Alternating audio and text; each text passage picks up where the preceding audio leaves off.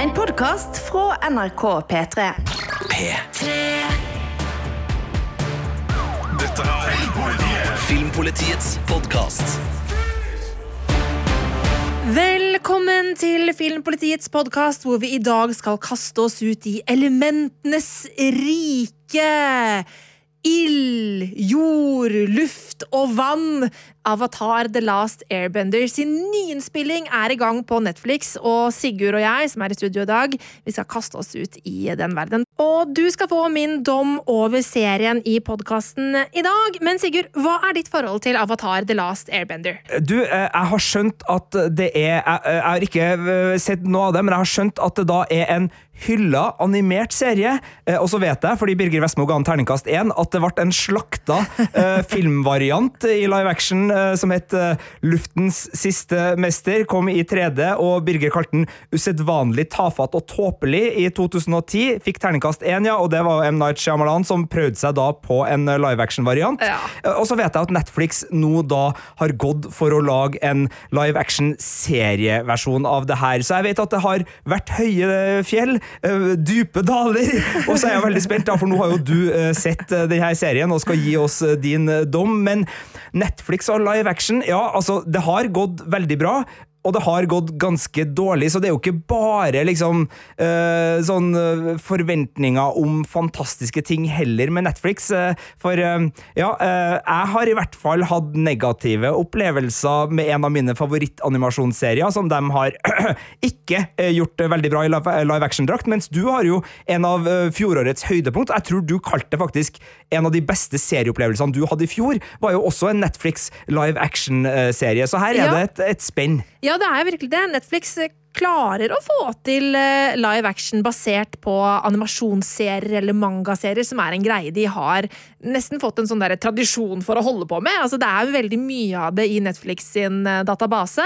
Eh, og det er ikke alltid det fungerer like godt som du sier, men noen ganger fungerer det. Sånn som for eksempel fjorårets Onepiece. Ja, nå, for, nå, for du merka at jeg tisa, ikke sant? Jeg sa ikke titlene, så jeg skulle bare legge opp det. Så, så vi holder enda den dårlige på, på pinnebenken. Men ja, den beste, Onepiece, som du elska. Ja, jeg kosa meg så mye med den, og det er jo basert på en animasjonsserie som igjen er basert på en mangaserie, som da Netflix har gjort til sin live action.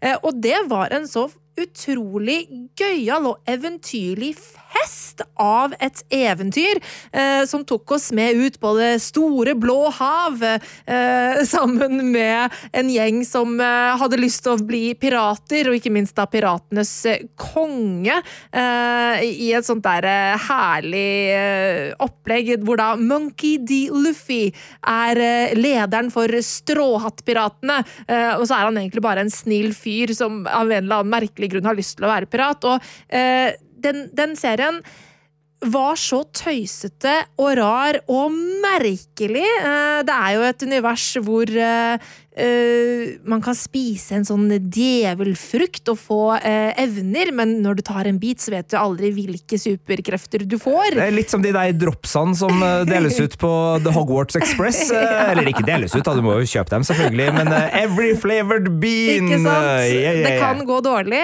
mens med Monkey D. Luffy sitt tilfelle så, så gikk det jo for så vidt bra. Han fikk gummikropp, noe som han bruker til god effekt i sitt forsøk på å bli pirat. Og det som var så bra med Netflix sin av denne eh, tegneserien, var jo at den tok virkelig eh, tegneseriens eh, på en måte egenart på alvor, eh, og holdt seg i det universet og bygde videre på det som gjorde tegneserien så bra, eh, og turte å gå all in.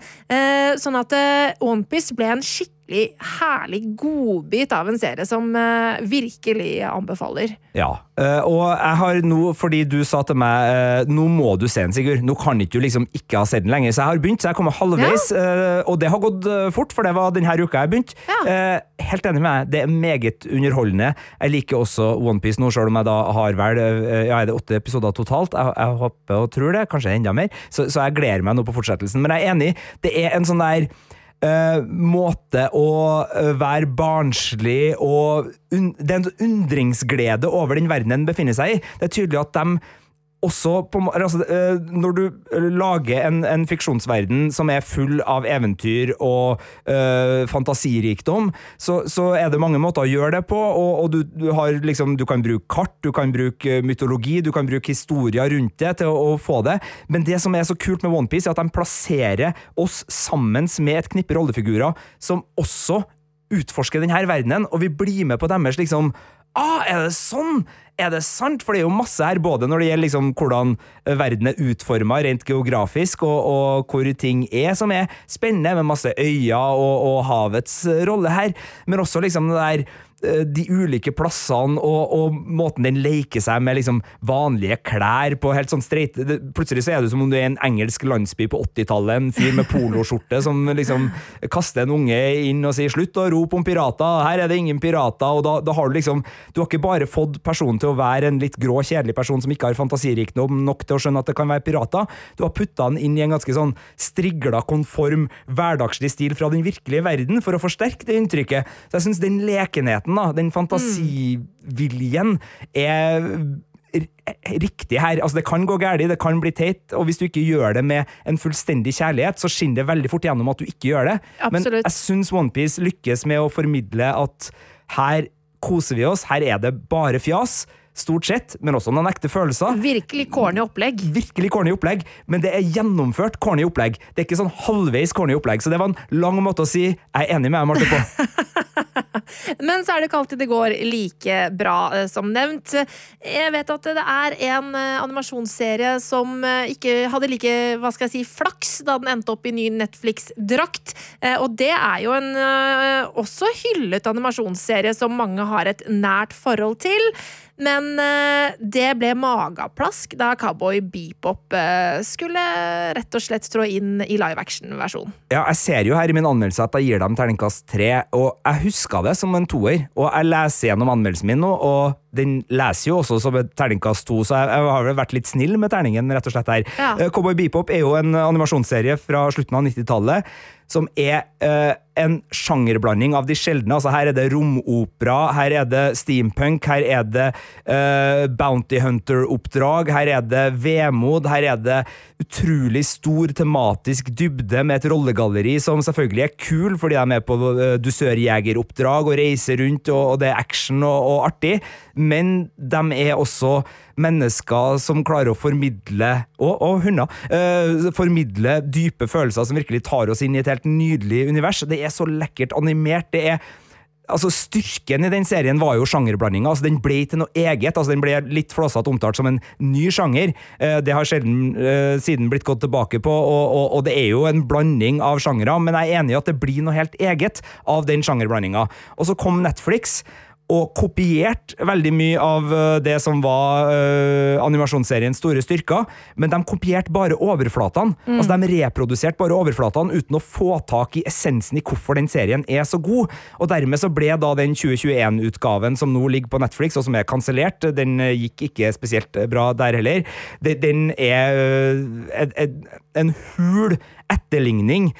Og, det er jo litt utfordringa til Netflix, fordi Cowboy Bebop sin originalitet altså Den var ganske langt unna Hollywood. Den var ganske kantete, den var ganske full av særpreg, og den var ikke laga for å tekkes alle, men ble veldig kjær for mange fordi den var seg sjøl fullt og helt.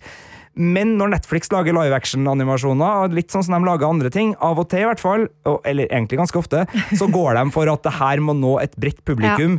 Og, og måten de skal nå det brede publikum, er at de tenker hva er det det brede publikum allerede liker? Og Derfor så er det en smak av Tarantino i denne nye live action-greia. Det er liksom veldig mange sånn kjente og kjære seriegleder, og det er Hvis du ikke har sett originalserien, så tenker jeg at det er det beste, egentlig. For da framstår vel det her bare som en sånn enkel og grei, lettbent underholdningsserie med en blanding av sci-fi og western og dusørjegeropplegg med kul musikk og raffe bilder. Men hvis du vet hva de har henta det fra, så blir det utrolig fattig. Men jeg har jo ikke sett eh, originalserien på Cowboy Bebop, og jeg har ikke sett ferdig eh, Cowboy Bebop på jeg- Netflix. jeg- jeg sier ikke at den er jeg, jeg, bra. Jeg falt av, for at jeg, jeg bare sånn Det her er ikke bra nok. Det her gidder jeg rett og slett ikke å, å bruke tid på. Eh, så jeg er jo enig i det du sa her, at den treeren du ga på terningen der, den var eh, ganske snill, altså. Ja, jeg skriver jo her i, i min anmeldelse at den store styrken til originalserien var at den traff så godt både tematisk og med sjangerblandinga. Altså, det var en serie som opplevdes rå, kraftfull og ekte. Den var seg øh, sjøl fullt og helt, og stort på egen intuisjon, uten den her smaken av Hollywood og kommersens glattpolerte kantslipere. Kjedsomhet, ensomhet, følelsen av fremmedgjøring, tap og sorg ble blanda sammen til en gjennomgående stemning med tematisk tydelighet og dybde. En poetisk styrke som gir stort tolkningsrom, men også tydelige og hardtslående øyeblikk som henger igjen lenge etter at rulleteksten er ferdig. Eh, og for originalen så var også denne sjangermiksen en stor styrke, og det var liksom det der de dro liksom veksel på de ulike kraftene og ulike styrkene, litt som teamet i OnePiece, eh, og samarbeida for å skape eh, no, noe helt eget. Og så blir da kopien eh, noe som oser av billig publikumsfrieri, fordi de her kvalitetene blir ikke tatt med videre. Mm. det blir bare liksom en sånn anstrengt søtsuppe hvor alle inspirasjonskildenes sterkeste kvaliteter drukner liksom i en sånn der blanding av generisk popkornunderholdning, hvor du hele tida skal videre til neste underholdningselement. Du tar ikke deg tida til å la det synke inn. Du, du, du, du har egentlig ikke skjønt greia. Er ikke det jeg egentlig jo. sitter og sier her? De skjønte ikke greia med Cowboy Bebop når de laga remaken av Cowboy Bebop. Derfor så falt det helt eh, sammen. Så der OnePiece skjønte greia, og du merka kjærligheten, så var Cowboy Bebop en, en, et hult skall. Altså, det var som om kjøpesenteret skulle sette deg opp på Nei, nå, jeg skal ikke gå Jeg, jeg, jeg gir meg der. Men eh, eh, Du begynte på en lengre rant her nå. Du, du nå skulle jeg ut i noen, noe greier. Jeg, jeg, jeg, jeg gir meg her. Ja, okay. Men grunnen til det engasjementet som du har, liksom det rasende engasjementet her nå, da, eh, det er jo noe av grunnen til, som gjorde at eh, vi var jo Vi gledet oss til Avatar The Last Airbender-serien. Vi hadde den på topplista over serier vi gleder oss til i 2024. Men det var jo også en grunn til at vi skrev Vi håper at den blir mer Onepiece, mindre Cowboy Bebop. Ikke sant? For det er jo eh, Det kan bli veldig bra, men det kan også bli den hule etterligningen som Netflix eh, innimellom går for. Eh, Så da er jo da spørsmålet hva er det Netflix har klart å få til denne gangen? Er det Luftens siste mester 3D terningkast 1 M. Night Shyamalan-stil? Eller er det Onepiece-kjærlighet? Og svaret kan jeg jo bare gi med en gang. Litt av begge deler, eller? Nei da. Eh, Jeg kan jo bare avsløre at jeg gir terningkast fire til eh, nyinnspillingen av Avatar The Last Airbender. Som nå er ute med hvor mange episoder på Netflix? Åtte episoder. Jeg har sett alle, og jeg kan jo bare si at det er en kjærlighet for originalserien her. Eh, Det er et univers som får lov til å utspille seg eh, slik det er ment å være, i hvert fall mitt inntrykk. Eh, det er så fargerikt og eh, fint. Vi går virkelig all in på dette med å eh, temme elementene. Altså, det, det ser virkelig eventyrlig og flott ut. Eh, samtidig så er det en del ting som har blitt kutta fra originalserien, som jeg nok tror at eh, noen av fansen eh, vil rynke på nesa over. Så før vi går videre, så kan vi jo sette hva dette her er for noe, for det er ikke alle som har peiling på hva Nei, eh, jeg, jeg har ikke sett et sekund eh, Nei. av eh, Avatar The Last Airbender, verken animert eller i M. Night Shyamalans eh, famøse terningkast 1-film, så, Altså- så her må du forklare. jo- jeg hadde jo ikke sett animasjonsserien, jeg heller. Men uh, jeg skjønte at det, for å anmelde den sesongen, eller den serien her på Netflix, så måtte jeg se det. Eh, så, så jeg har fått sett den første sesongen. Det er der jeg er. Men jeg har jo da ikke noe sånn nostalgisk forhold. Liksom, jeg har ikke et sånt der, eh, nært, tett forhold til disse rollefigurene fra før. Jeg har nå nylig sett animasjonsserien. Og så går jeg inn i, i eh, den nye serien med det i, i, i bakhodet, da. Men det her er da altså eh, et eh, eventyrunivers hvor eh, det er sånn at eh, du har eh, fire forskjellige riker. Det er jordriket, ildnasjonen, vannstammene og luftnomadene. Eh, også menneskene i disse forskjellige nasjonene kan temme sine respektive elementer. Altså, eh, luftnomadene kan temme luften, ikke sant? Eh, ildnasjonen kan temme ilden. Og så bruker de dette da på sånn slags magisk vis. Eh, og eh, i animasjonsserien så begynner eh, første episode med et sånt derre for 100 år siden eh, så forsvant avataren. Eh, den ene personen som kan temme alle fire elementene. Eh, og ildnasjonen har tatt over eh, verden med makt. ikke? Altså, det har vært en krig som har pågått i 100 år, men nå har plutselig avataren kommet tilbake igjen. Og denne avataren er jo da en gutt som heter Ang, som har ligget nedfrosset i isen i 100 år, når da plutselig Katara og Sokka, to eh, søsken eh, fra den sørlige vannstammen, eh, kommer over han eh, i isen og slipper han løs ved et uhell, egentlig. Eh, mens i TV-serieversjonen Hva blir det? Begge to er TV-serier. I nyinnspillingen eh, så får vi lov til å starte for 100 år siden. Og vi får lov til å se eh, innledningsvis hvem Ang er. Han er en eh, ung gutt eh, som vokser opp hos munkene eh, i det sørlige lufttempelet, eh, hvor han er utrolig eh, dyktig. Altså, han, han tar alt lett som en lek. Altså, ingen er så flinke til å temme luften som Ang. Eh, men når han eh, får beskjed om at det er han som er avataren, altså denne reinkarnerte personligheten som skal på en måte bringe balanse til verden, eh, så vil jo ikke han ha det ansvaret, og han rømmer. Eh, og så får vi se hvordan han blir da frosset ned i isen, og så eh, blir han da på en måte funnet 100 år senere, når da den eh, maktsyke ildnasjonen har eh, virkelig eh, gått krigsherjede frem.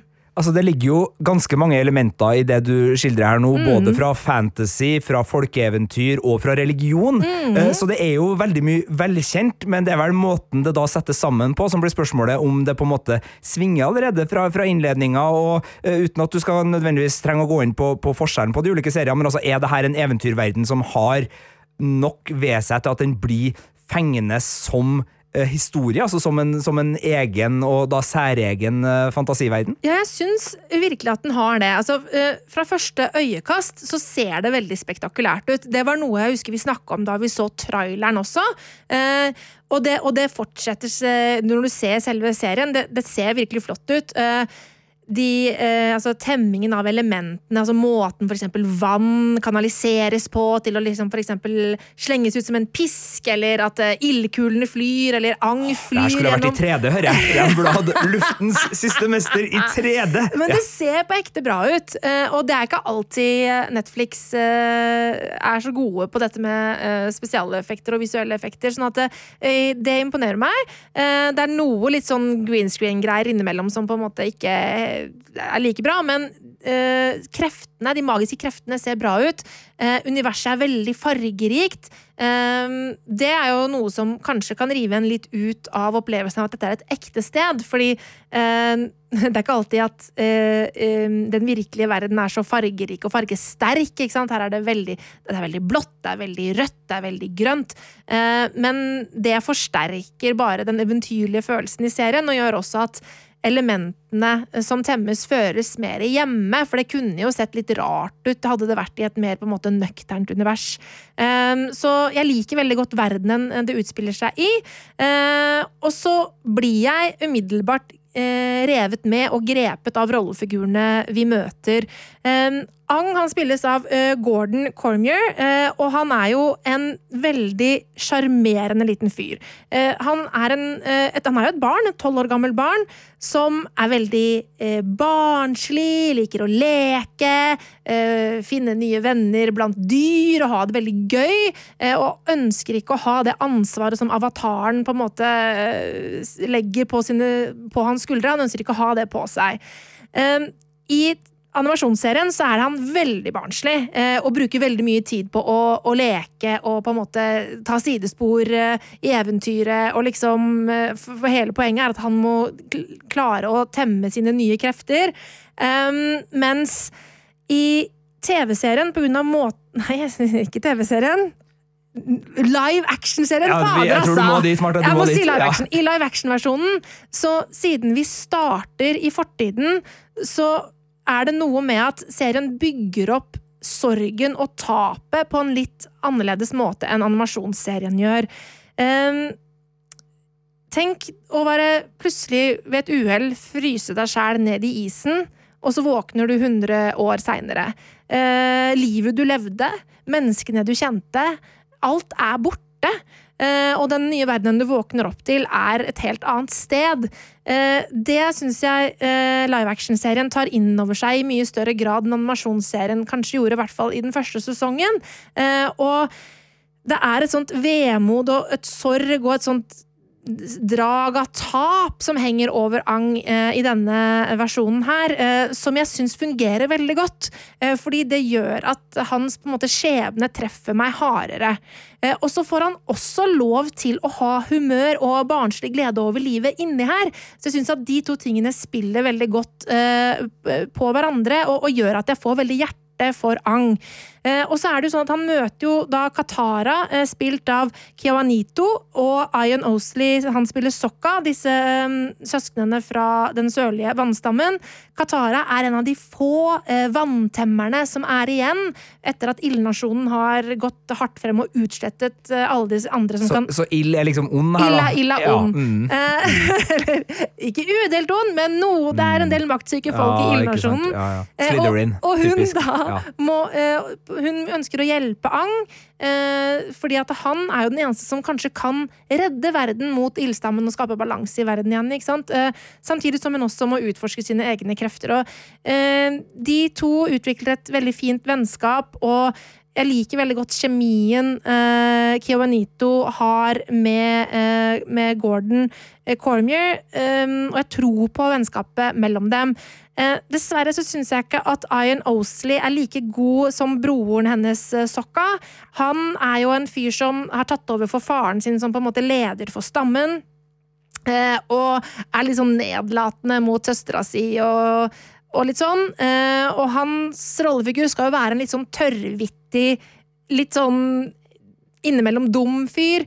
Um, som også da får en karakterutvikling underveis, men, men den treffer ikke helt. Og uh, jeg ble litt sånn Det ble for plumpt og, og, og dårlig, vært særlig innledningsvis i sesongen eh, når det gjelder Sokka, dessverre.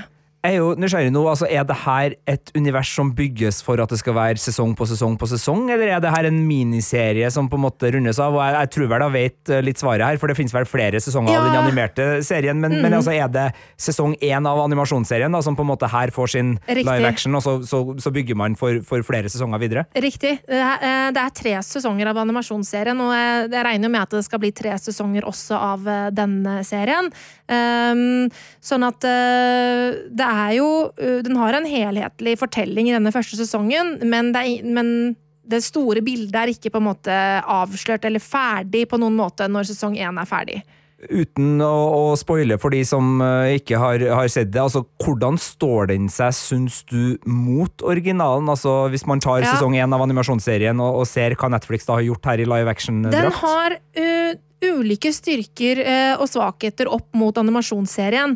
Uh, noen av styrkene er at jeg syns at rollegalleriet er veldig fint. Uh, jeg koser meg med dem. uh, og, og liker å være med på reisen. Og det er, det er, sjarme- det er et sjarmerende cast.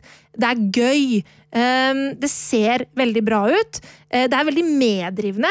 Det er noen skikkelig kule og tøffe actionsekvenser inni her som, som eh, virkelig engasjerer meg. Eh, og så er det også sånn at eh, i eh, serien så møter vi eh, eh, prinsen av ildnasjonen eh, og onkelen hans, som heter da prins Suko, spilt av Dallas Yu, og da onkel Iro, spilt av Paul Son Huang Lee. Du vet han som spiller han piloten i The Mandalorian og Asoka og sånn? Det gjør jeg. Ja, han er veldig trivelig. Han liker jeg. Ja, eh, og det, eh, de, altså Suko er forvist, eh, og den eneste måten han kan komme tilbake til ildnasjonen igjen, er å fange avataren.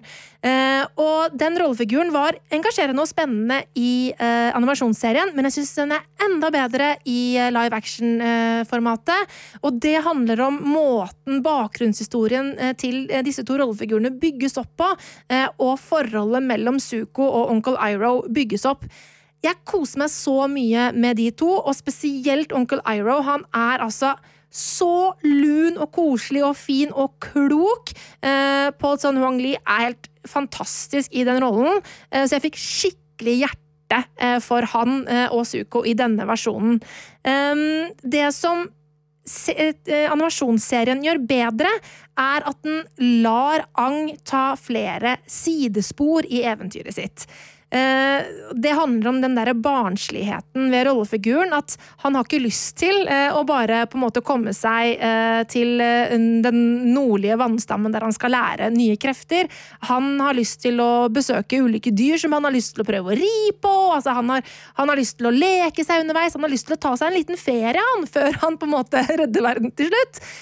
Og det er kutta ut i stor grad i live action-versjonen. Um, og det som er litt sånn rart, er at der har serieskaperne gjort et litt merkelig valg. Fordi flere ganger i løpet av sesongen så blir det nevnt av rollefigurer som de møter, at ja, dere har jo slåss mot pirater. Eh, avataren har jo gjort det, det, det og det. Men så har han jo ikke gjort det og det. Det blir bare sagt for at vi skal liksom forstå at denne gjengen har vært på flere eventyr enn det du har fått se. Ja. Og det blir for dumt. Ja, eh, i hvert fall hvis man opplever det som et, eh, et savn. Eh, Ja, altså, det, altså, det kan jo gjøres det elegant, men, men det ble jo tydelig ikke gjort, eh, elegant. Nei, det, det, det ble gjort uh, sånn at jeg tenker at hvis du ikke har sett animasjonsserien, så blir det sånn Hæ? Har jeg missa en episode? At det er litt sånn Hæ, hva er det jeg har gått glipp av nå? Ja. Uh, det er veldig rart løst. Uh, og det er jo Enten så er det gjort som et nikk til fansen av animasjonsserien, og så bare Å ja, ha-ha, Ja. eh, den piratepisoden, ja. Eh, ellers er det gjort for å på en måte fortelle seerne at de har vært på en veldig lang reise her nå. altså Selv om det virker som at vi bare er fire episoder inn, så har de reist lenger. Eh, og, det, og det funker ikke. Og det gjør at eh, spesielt Ang sin rollefigur sin eh, figurutvikling, altså karakterutvikling, oppleves som ganske brå. For han er jo på en indre reise i tillegg til den fysiske reisen han er på, og den går rett og slett for fort frem eh, i live action-versjonen. Det har jo vært eh, litt sånn internettskriving i forkant, fordi det har vel vært sånn at uh, serieskaperne av den originale var Nå er jeg usikker, men var de på et tidspunkt med her, og så har de forsvunnet ut? Noe som har gjort at det har vært litt uro da blant fansen av den originale på hvordan det her skulle ta seg ut. Altså, hva er kan du si der om, om på måten eh, serien har utvikla seg på, og, og om du liksom legger merke til noe som kanskje da enten kan berolige, eller eventuelt Mm. eh, uh, gi litt uro til de som har vært veldig opptatt av uh, akkurat den biten? Eh, det er jo da Michael Di Martino og Brian Konie... Brian Konietzko, eh, beklager, eh, som skapte den originale serien. De var egentlig tenkt å være showrunners, altså serieskapere, for eh, denne nye live action-versjonen også. Og de var involvert i prosjektet, men valgte å trekke seg. Eh, Og der eh, la jo eh, Michael Di Martino ut et åpent brev på sin blogg til fansen, eh, hvor han på en måte forklarte at pga. eh, kreative forskjeller og at eh, Netflix sin versjon eh, ikke var eh, den versjonen de ønsket å lage, altså det var ikke den visjonen de hadde sett for seg, så valgte de å trekke seg fra hele prosjektet. Eh, og det gjorde jo at fansen begynte å skjelve i buksene. ikke sant? Hva er det som skjer her? Det som er litt rart, er at eh, før jeg skulle skrive anmeldelsen eh, av, eh, som du kan lese på p3.no filmpolitiet, så jeg, vil jeg bare gå inn og lese det brevet på nytt. Og det har han nå fjernet fra bloggen sin. Eh, og jeg vet også at han, at han eh, var på eh, altså premieren uh, for serien. Uh, så mulig han kanskje har sett hvordan det endte opp, og kanskje er litt vennligere innstilt nå. Det, det vet jeg ikke. Han har ikke uttalt seg siden.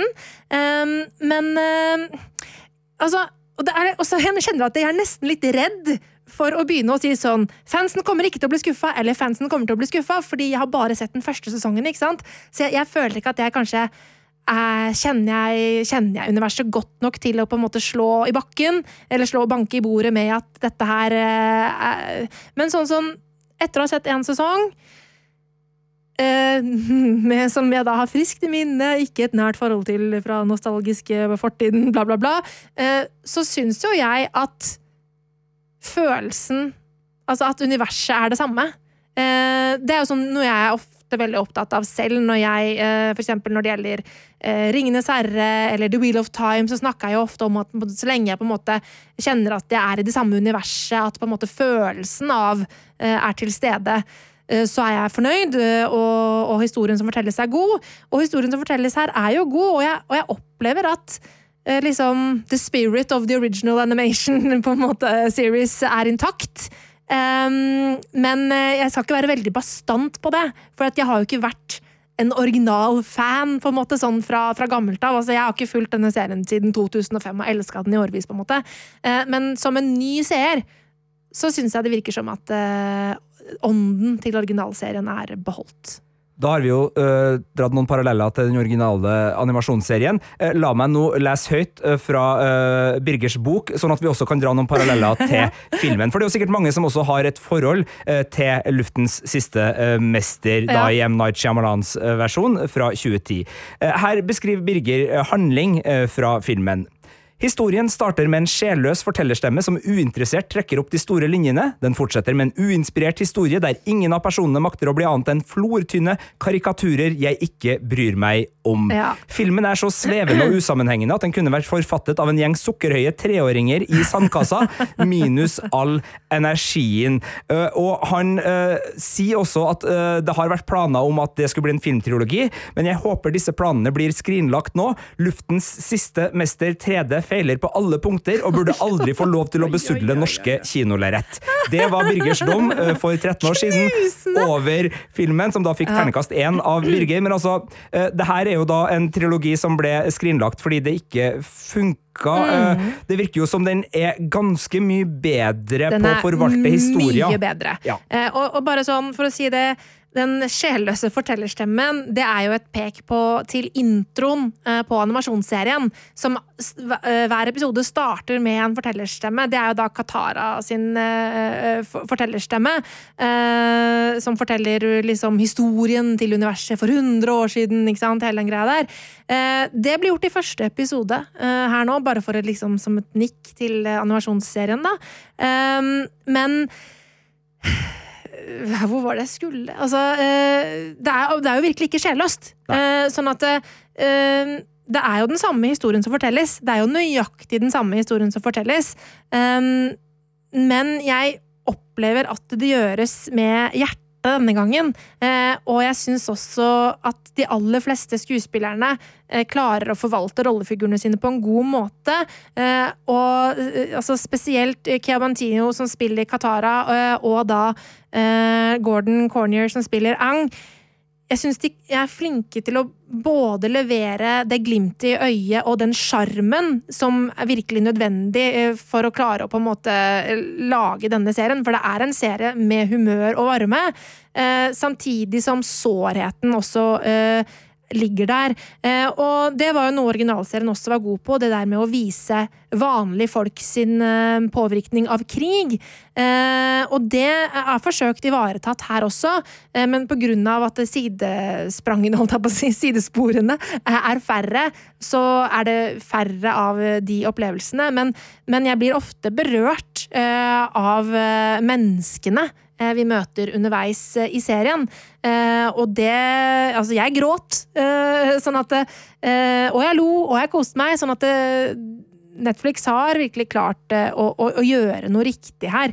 Eh, sånn at eh, eh, det, han som er serieskaper for denne nyinnspillingen, Albert Kim, jeg opplever at han har kjærlighet for originalserien og har virkelig forsøkt så godt han kan eh, å, å forvalte det på en god måte.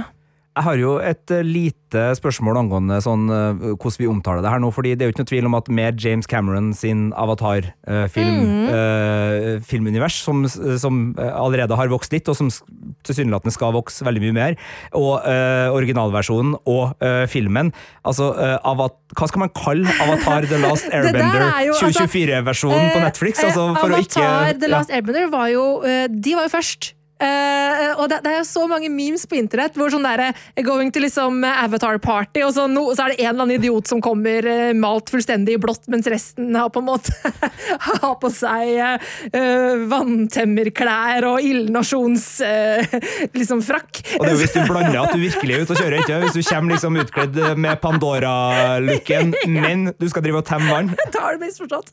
Så, men eh, så eh, Ja, men eh, Har, har du noen forkortelser? Har du laga noen tanker om hvordan man kan det. snakke om det her effektivt? Jeg, jeg, jeg merker at jeg Altså Game of Thrones, godt altså, Hva jeg, blir jeg, tror jeg sier The Last Airbender. Eh, det er det jeg ofte ender opp med i hodet mitt. Og, og tenke inn i hodet mitt. Eh, jeg tenker kanskje, Og det er jo dårlig gjort overfor eh, animasjonsserien siden den var først. Eh, men eh, eh, jeg, tenker The Last Airbender, og ikke Avatar. Eh, sorry, fansen. Da får dere sende meg sinte e-post. Dere kan også sende eh, også for så vidt også sinte, kan også sende e-post med gode forslag til hvordan denne serien bør eh, benevnes i framtidig. Fordi det her er jo sesong én. Det kan jo bli Mm. Det er mer. én, det her ja. kan jo være et nerdeunivers vi skal skravle masse om, Marte. Absolutt. Og da er det jo kult å få inn noen gode betegnelser som gjør at folk umiddelbart skjønner Mm. forskjellen på de mange etter hvert ulike variantene, også inne i det her fiksjonsuniverset, all den tid da det har kommet både film, som Ja. heldigvis da ifølge Birger ikke ble trilogi, og originalserie og eh, live action Mm. remake fra Netflix. Eh, tenker du at det her eh, har et godt grunnlag for nye sesonger nå, eller Ja, er det liksom ja. sånn som ofte med Netflix, og sånn som det var med Cowboy Beepop eh, du er avhengig av publikum fordi det er touch and go om det blir eller ikke, eller er det såpass bra kvalitet her at du føler deg sikker på at det blir Nei, en altså, sesong to? Når det er Netflix, så er jeg ikke sikker på en dritt. Det For at, eh, Netflix eh, kansellerer jo serier som har eh, stor fanskare, og bare fordi at nei, vinninga gikk litt bort i spinninga, eller hvordan det blir. Altså, de, de er jo nådeløse når det gjelder å kansellere serier. Det er med ildfolket, kan du si. Nei, jeg har ikke sett det her, folkens! Beklager, det var bare teit. Nei, altså øh, Så jeg kan ikke være sikker på noe som helst, jeg. Men, men øh, hvis jeg skal basere det svaret mitt på hvor bra jeg syns denne sesongen er, så syns jeg jo virkelig at eh, serien fortjener å bli fullført. Eh, jeg syns det her er, er et kjempefint eventyr som har sine mangler, ja, som jeg har vært inne på. Det er terningkast fire, det er ikke terningkast fem. men eh, dette er Altså, jeg kosa meg masse med serien. Uh, og jeg tror ja, Nei, jeg tør ikke si det. Jeg tør ikke si Hva du eh, skulle si nå, Marte? at hvis du, er fan, så, hvis du er fan av originalen, så kommer du til å like den. nå. jeg tør ikke si det. Filmpolitiet, alfakrøll, nrk.no kan du bruke for å skrive din e-post eh, om du syns Martes uh, Ja, også, tro eh, men eh, kommentar her eh, vi, vi, vi, vi, må gjerne ta en, eh, en ny en oppdatering eh, i podkasten når alle har fått sett eh, Avatar The Last Airbender live action-versjonen på Netflix. Så kan vi ta en, sånn, eh, en, en ny podkastepisode og, si, og snakke litt mer om hva vi syns. Eh, og som er full av spoilere og alt mulig sånt. Nå må jeg jo på en måte være litt forsiktig med hva jeg sier her. Um, men eh, Så da, da kan du jo ta, da, etter at du har sett sesongen, eh, sende en e-post til filmpolitiet.nrk.no. Fortell meg hva du syns. Uh, Er du fan? Er du ikke fan fra før av? Kanskje du ser TV-serien, live action-versjonen først, og ender opp med å se animasjonsserien etterpå? Uh, Eller er du ihuga fan av 2005-varianten og hater den nye versjonen, f.eks.? Send det til oss på filmpolitiet.nrk.no, så skal vi diskutere. Og hvis du, som Sigurd, ikke har sett animasjonsserien, så kan du få gjort det. Eh, Den ligger både på Viaplay og på Sky Showtime, men der må jeg advare, på Viaplay så ligger den altså ikke på originalspråket engelsk. Der ligger den bare på eh, norsk, svensk og finsk, tror jeg det var. Jeg Har lyst på et kjempedårlig navneforslag for hva vi skal kalle den nye Netflix eh, live action animasjonsserien Nei, eh, live action-serien av Avatar The Last Airbender, sånn på tampen, Marte? Husker du uh, uh, den store støttekonserten Live Aid i uh, 1985? Jeg tenker Live Air. Er, eh, for det er live action, og det er The Last Airbender. er, Live Air. er ikke det et sånt snowboard-event? Det kan godt være.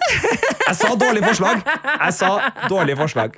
Vi vil gjerne ha noen bedre. Vi vil gjerne ha noen bedre, og vi vil gjerne vite hva du syns om både animasjonsserien og live action-versjonen. Send det til oss på filmpolitiet at nrk.no, så tar vi en oppdatering på det rundt neste sving.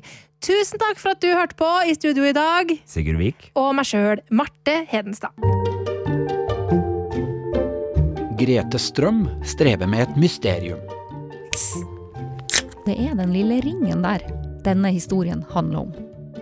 Hvorfor har tusenvis av nordmenn samla inn ringer fra toppen av øl- og brusbokser til inntekt for en proteseklinikk i Thailand? Det er gått 1000 kilo her nå. Et tonn? Ja, det er godt et tonn som står her nå. Tonnevis av boksringer er samla inn av ildsjeler og kjørt med bil til Danmark, til Tyskland og sekker er sendt med fly helt til Asia.